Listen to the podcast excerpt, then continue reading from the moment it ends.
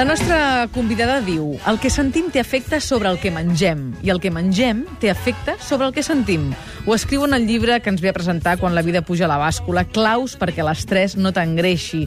Ella és la Pilar Sempau que avui ens ve a explicar el que ens convé menjar i el que no en una situació de neguit. D'estrès és evident que en patim tots en algun moment de la nostra vida en major o menor grau. Ara mateix la Núria Coll ens parla d'alguns aliments que ens poden ajudar a regular les nostres emocions i que són beneficiosos per la nostra salut. yeah, yeah. yeah. Un estudi recent diu que el consum de tres fruites i dues racions d'hortalisses disminueix la mortalitat en alguns casos fins al 30%. En casos d'estrès és aconsellable menjar dues o tres carxofes tres cops per setmana, però si realment hem tingut un dia molt estressat, no hem de deixar de menjar-ne. Feina feta, diu Pilar Sempau. Per protegir la memòria, res millor que menjar peix blau dos o tres cops per setmana, com a mínim. I l'oli verge d'oliva va bé per lluitar contra l'envelliment prematur del cervell, per prevenir problemes vasculars, per prevenir el càncer de mama i, en general, per la circulació sanguínia. Nosaltres ara també obrim les nostres línies telefòniques al 93 204 201 7474 o al nostre correu electrònic suplement arroba catradio.cat per si ens voleu fer concretament a la Pilar alguna consulta sobre aquest tema. Pilar Sempau, benvinguda. Bueno, Bon dia. Moltíssimes gràcies per invitar-me. Estic encantada d'estar amb vosaltres i espero que aquest programa ajudi a molta gent que està passant un moment complicat de la seva vida, bé per estrès o per preocupacions, per problemes familiars, per malalties, per lo que sigui. Espero que ajudi tothom. Molt bé, doncs recordem que la Pilar és llicenciada en Medicina i Cirurgia i especialitzada en dietètica. A més a més, com dèiem ara, és autora del llibre Quan la vida puja a la bàscula, per cert, que un llibre, evidentment, com els altres, que ja s'està venent molt bé. Estic molt contenta, sí, molt agraïda a la gent que el compra i espero que, que sigui un llibre que, a més de vendre's molt, que això dona molt satisfacció en molts aspectes, però també perquè arriba molta gent i era hora que un llibre sobre l'estrès, que la gent que sàpiga com cuidar-se. La gent sap com cuidar el cos, però i la ment? Com se cuida la ment? A vegades, quan estem estressats, només sabem fer una cosa, que és anar de vacances. Bueno, hi ha moltes coses més que un pot fer des de casa i des del dia a dia. A més, em fa la sensació que aquest llibre uneix dos termes que a tots ens criden molt l'atenció, que és el nostre cos físic, diguéssim, allò, primar-nos una miqueta o tenir cura del nostre cos, i l'estrès, que com dèiem ara, qui més qui menys, tothom l'ha tingut en algun I moment. tant, hi ha etapes de la vida que quasi hi ha etapes de la vida que és molt difícil eludir l'estrès. I, per exemple, una persona té molt estrès doncs, perquè té algun problema familiar. A vegades no pot eludir aquest problema. I ens dius, bueno, com surto d'aquest cercle, no? I, clar, diu, me prenc un medicament que em bloquegi l'estrès. Bueno, no, perquè la mateixa força que et fa estressar, la gent que s'estressa normalment és que té molta força, té molt ímpetu, i són gent que es lluiten, que tiren endavant en la seva família, en la seva vida, en la seva professió, i això no és dolent. Ara, han de saber com protegir-se, no com anul·lar-lo. Eh, lluitar per la pròpia professió, llu- lluitar per la família, lluitar per la vida, eh, és el que hem de fer. Eh, de vida només n'hi tenim una i hem de ficar-hi totes les coses, tota la llenya al foc, ara, fent-ho sense que et passi una factura. I aquí està eh, que jo dic al llibre. No s'ha de bloquejar l'estrès. El que has de saber és com protegir-te contra aquest estrès, com fer que si tens una preocupació l'estrès no s'afecti. I només hi ha tres maneres de fer-ho. I, I això ho va dir la Premi Nobel de Medicina, la doctora Elizabeth Blackburn, ho va dir tan clar i tan senzill que va passar desapercebut. A vegades eh, als mitjans de comunicació ha de ser una gran notícia i una cosa molt rara i llavors sí, però a vegades coses tan senzilles i tan potents a la vegada passen desapercebudes. I aquesta doctora va dir les tres coses que poden ajudar. Tinguem el tipus d'estrès que tinguem. Tinguem la malaltia que tinguem. Per, ja, per tant, tothom que ens estigui escoltant que tingui hipertensió, que tingui colesterol, que tingui càncer, que tingui sobrepès. Només hi ha tres maneres de lluitar, a part del tractament mèdic que es puguin fer. Primera, dieta equilibrada. Segona, exercici moderat, vol dir caminar. I tercera cosa, resistència psicològica contra l'estrès. Què vol dir això? Conèixer-te, saber quines coses te fan por, gestionar d'alguna manera la tua vida. I això sí que cal fer-ho, és parar i organitzar-te, de dir, això cap aquí, eh, o sigui, ficar un ordre de prioritats. A més a més, en aquest llibre el que aportes és aquest lligam entre l'estrès i un dels factors que podria ajudar-nos a la nostra dieta. Exactament, perquè una de les tres coses eh, que és la dieta, és la meva especialitat, i per dir, bueno, doncs anem a veure com introduïm la dieta dins de, de les persones estressades, perquè a més d'aprimar-les, que és la, el, el fons del llibre, els ajudi també a que l'estrès no els hi passi una factura. Mm. Mm. Perquè el cas és que, tot i que hi ha excepcions, l'estrès engreixa. No, l'estrès no tothom, sinó el que hi té tendència. Hi ha gent que té tendència a engreixar-se, l'estrès l'engreixa. El que té tendència a la hipertensió li fa pujar la pressió. El que té tendència a alteracions immunològiques els hipotència. O sigui, l'estrès el que fa és potenciar, com si diguéssim, la tua tendència personal. Hi ha gent que l'estrès els aprime. els pocs. Però la majoria de gent els hi fa un augment de pes sense menjar gaire. 93 7474 hem demanat si hi havia algun oient que ens volia fer alguna consulta concretament a la Pilar i, evidentment, com no podia ser d'una altra manera, doncs n'hi ha. Antònia, bon dia. Hola, bon dia. Què li volies preguntar a la Pilar? A veure, jo voldria sí, que em pogués dir a veure si hi ha alguns aliments que potenciïn el fet de regenerar els, els lligaments. Uh -huh, perfecte. Doncs perquè ara... tinc aquesta mancança i voldria saber a veure com puc combinar l'alimentació. Molt bé, doncs ara et contesta. Gràcies Moltes per trucar. gràcies. Que vagi molt Bon bé. dia. adéu-siau. I tant. Bueno, sobretot a nivell de lligaments, eh, hi ha un producte homeopàtic, que és la- l'àrnica, que és un producte que va molt bé per totes les coses relacionades a nivell osteomuscular. Una vegada dit això, a nivell d'aliments, tot el que porta proteïnes ajuda a regenerar teixits. Eh, la carn, el peix, el pollastre, els ous, tot això, eh, hi ha molta gent que degut a tenen més de 50 anys solen baixar molt el consum de proteïnes perquè no apeteix tant menjar carn quan un se va fent més gran i mengen més hortalisses i a vegades descuiden el segon plat. El segon plat, recordem que porta els 8 aminoàcids essencials per construir teixits i a vegades hi ha una falta de- de- d'aportació d'aminoàcids. Uh -huh, per tant, segurament deu menjar molt poques proteïnes. Molt bé, doncs augmentar, augmentar la si proteïna. ella no en menja gaire, si és aquest el cas, doncs augmentar una mica el consum de proteïnes. Que si no són en forma de carn o peix, podrien ser soja, en forma de... soja, per exemple. Uh -huh, molt la bé. soja és una de les proteïnes vegetals de qualitat. Molt bé, Núria, alguna altra idea? De la soja puc preguntar que hi ha tot un debat obert de si és bona o dolenta? La soja en aliments no és dolenta. La soja en, en compostos, eh, en comprimits, per exemple, les persones que tenen un càncer d'ovaris o un càncer de matriu que són hormonodependents, llavors ho han de consultar el seu ginecòleg. Jo sempre els hi aconsellaria el, que el seu ginecòleg els hi digui si ho poden prendre o no. El que sí és segur és que a nivell d'aliments no passa res. Si anem molt estressats, el plàtan és bo, oi? eh, és un aliment que l'han proscrit de les dietes i és una gran equivocació. Jo sempre dic que el plàtan és un aliment de mitja tarda. Quan arribem estressats, cansats, eh, per què anem tots a la nevera? Anem tots a la nevera perquè anem a buscar algo que ens relaxi. I llavors el nostre cervell no ens deixa sols, ens diu estàs estressat, anem a lluitar perquè estiguis tranquil. I l'única manera que ho té la ment és que a través del cos introduïm un aliment que dins del cervell se converteixi en serotonina, que és el neurotransmissor del benestar de la tranquil·litat. I el plàtan porta aquesta substància base, que és el triptòfan. O sigui que un plàtan a mitja tarda ens ajudarà a relaxar-nos. Teresa, bon dia. Hola, bon dia. Tu diràs.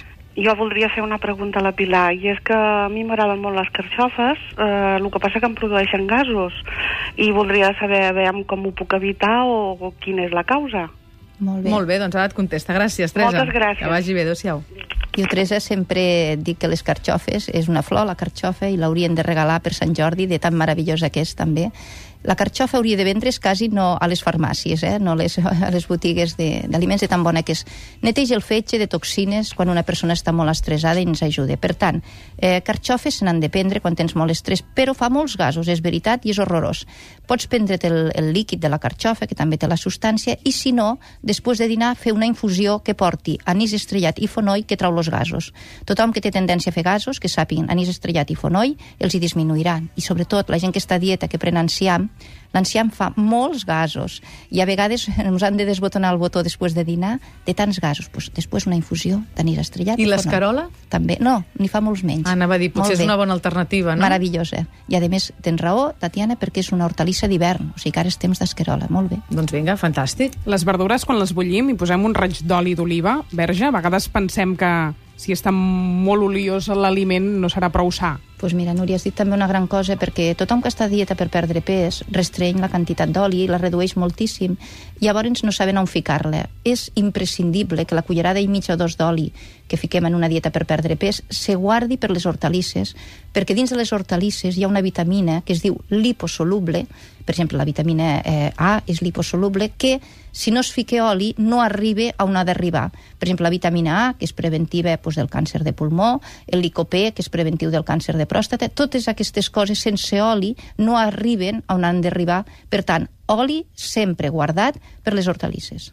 Molt bé, 93 207 474. Laia, bon dia. Hola, bon dia. Tu diràs.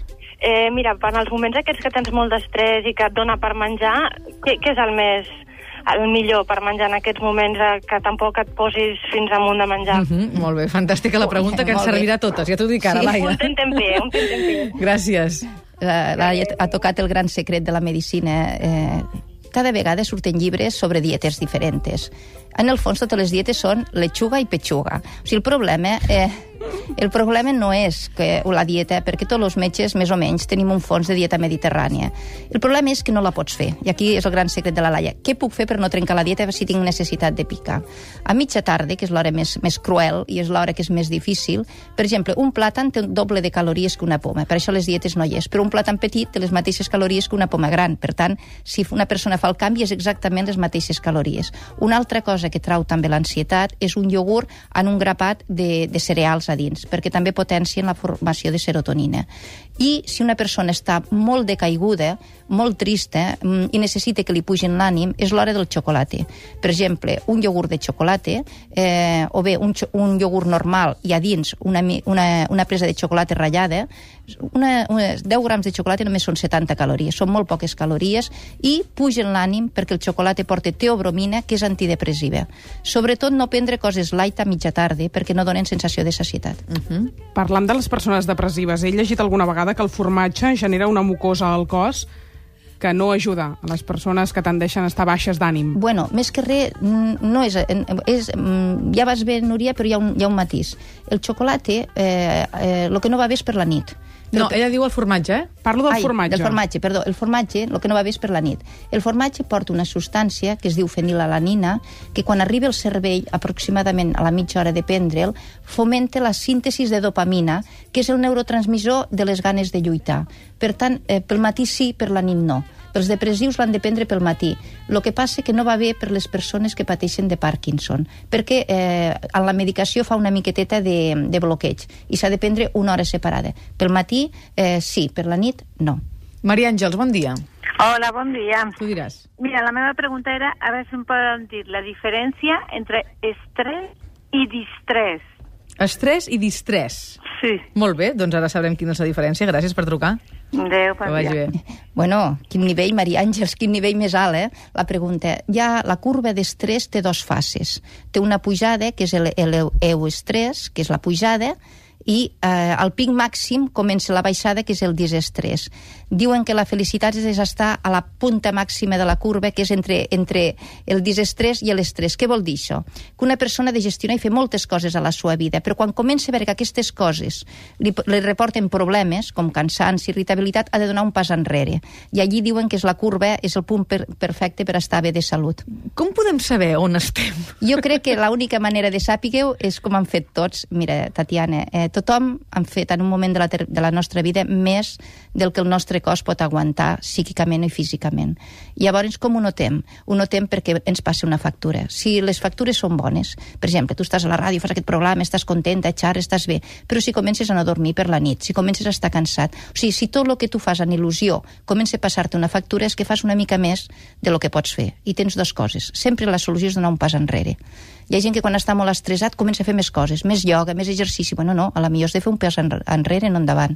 Llavors, sempre, eh, jo dic sempre ho has de provar i tirar cap enrere, que és la manera de saber-ho on estàs tu. I, de fet, abans em comentaves que una persona, que n'hi ha moltes, que prova de fer dieta, dieta, dieta, i no s'aprima, no s'aprima, que hi ha alguna cosa que està bloquejada, Sí, no? molta gent, eh, i precisament aquest és el motiu del llibre, que jo li devia, jo tenia un pacient que pesava molts quilos, molts, molts, i, eh, i una persona que tenia eh, càncer, i un dia em va dir, Pilar, per què no ho fiques en un llibre, que mengem poc i no ens aprimem? Jo crec que era el moment de dir-ho, i aquest llibre és un homenatge a totes les persones que sense menjar gaire no baixen de pes. Jo crec que el cos ha perdut una mica l'equilibri, i llavors eh, el que fa és quan tu pateixes, quan una persona pateix, el cos el que fa en vez de cremar és guardar. Hi ha dos tipus de cos, el cos cremador i el cos ahorrador. I cada vegada que patim hi ha gent que guarda aliments. Quan de repente comences a primar, és que el cos està tranquil·litzant, ja està començant a deixar anar, ja no guarde, està tranquil, ja està arribant tranquil·litat d'una manera o altra. Ah. L'exemple de la galeta el podem explicar per resanificar això que estàvem dient, perquè eh, És al final la Pilar Sant Pau Sí. tinc la teoria que l'exemple de la galeta transcendirà i arribarà Sí. a moltes cases d'una manera molt pràctica. Molt. Mira, Núria, la primera pregunta que em vaig fer una vegada, jo tinc una tieta que és monja, que és missionera, i pesava molts quilos. I em va dir, com pot ser que pesa tants quilos si menja igual que totes les monges de la comunitat? I vaig pensar, té raó, és una dona que té dues carreres, la carrera de matemàtiques i la carrera de física, és una persona intel·ligentíssima i, menjant igual que tothom, s'engreixa. Per tant, me va quedar completament descartat el problema de la voluntat. I pensar, per què quan se menja una galeta amb ella l'engreixa i a mi no? Llavors és quan comencem a pensar i jo crec que el gran secret del llibre és haver-me fet la pregunta, per què? O sigui, mai cregut que un pacient fent dieta no s'aprimi. I clar, molts metges això no s'ho creuen. I és hora que algú, ja científicament ja ho demostro perquè mai més cap metge pugui dir faci més dieta a una persona que ja en fa. Què passa? Quan una persona es menja una galeta, aquesta galeta pot triar tres camins. I de que tria un camí o altre, a vegades depèn de l'estrès. Un dels camins que pot triar és cap a la panxa, l'altre és cap al múscul per ser cremat en forma d'energia i l'altre és cap al cap per ser un pensament, una idea. I de què tria un camí o altre, a vegades depèn de l'estrès.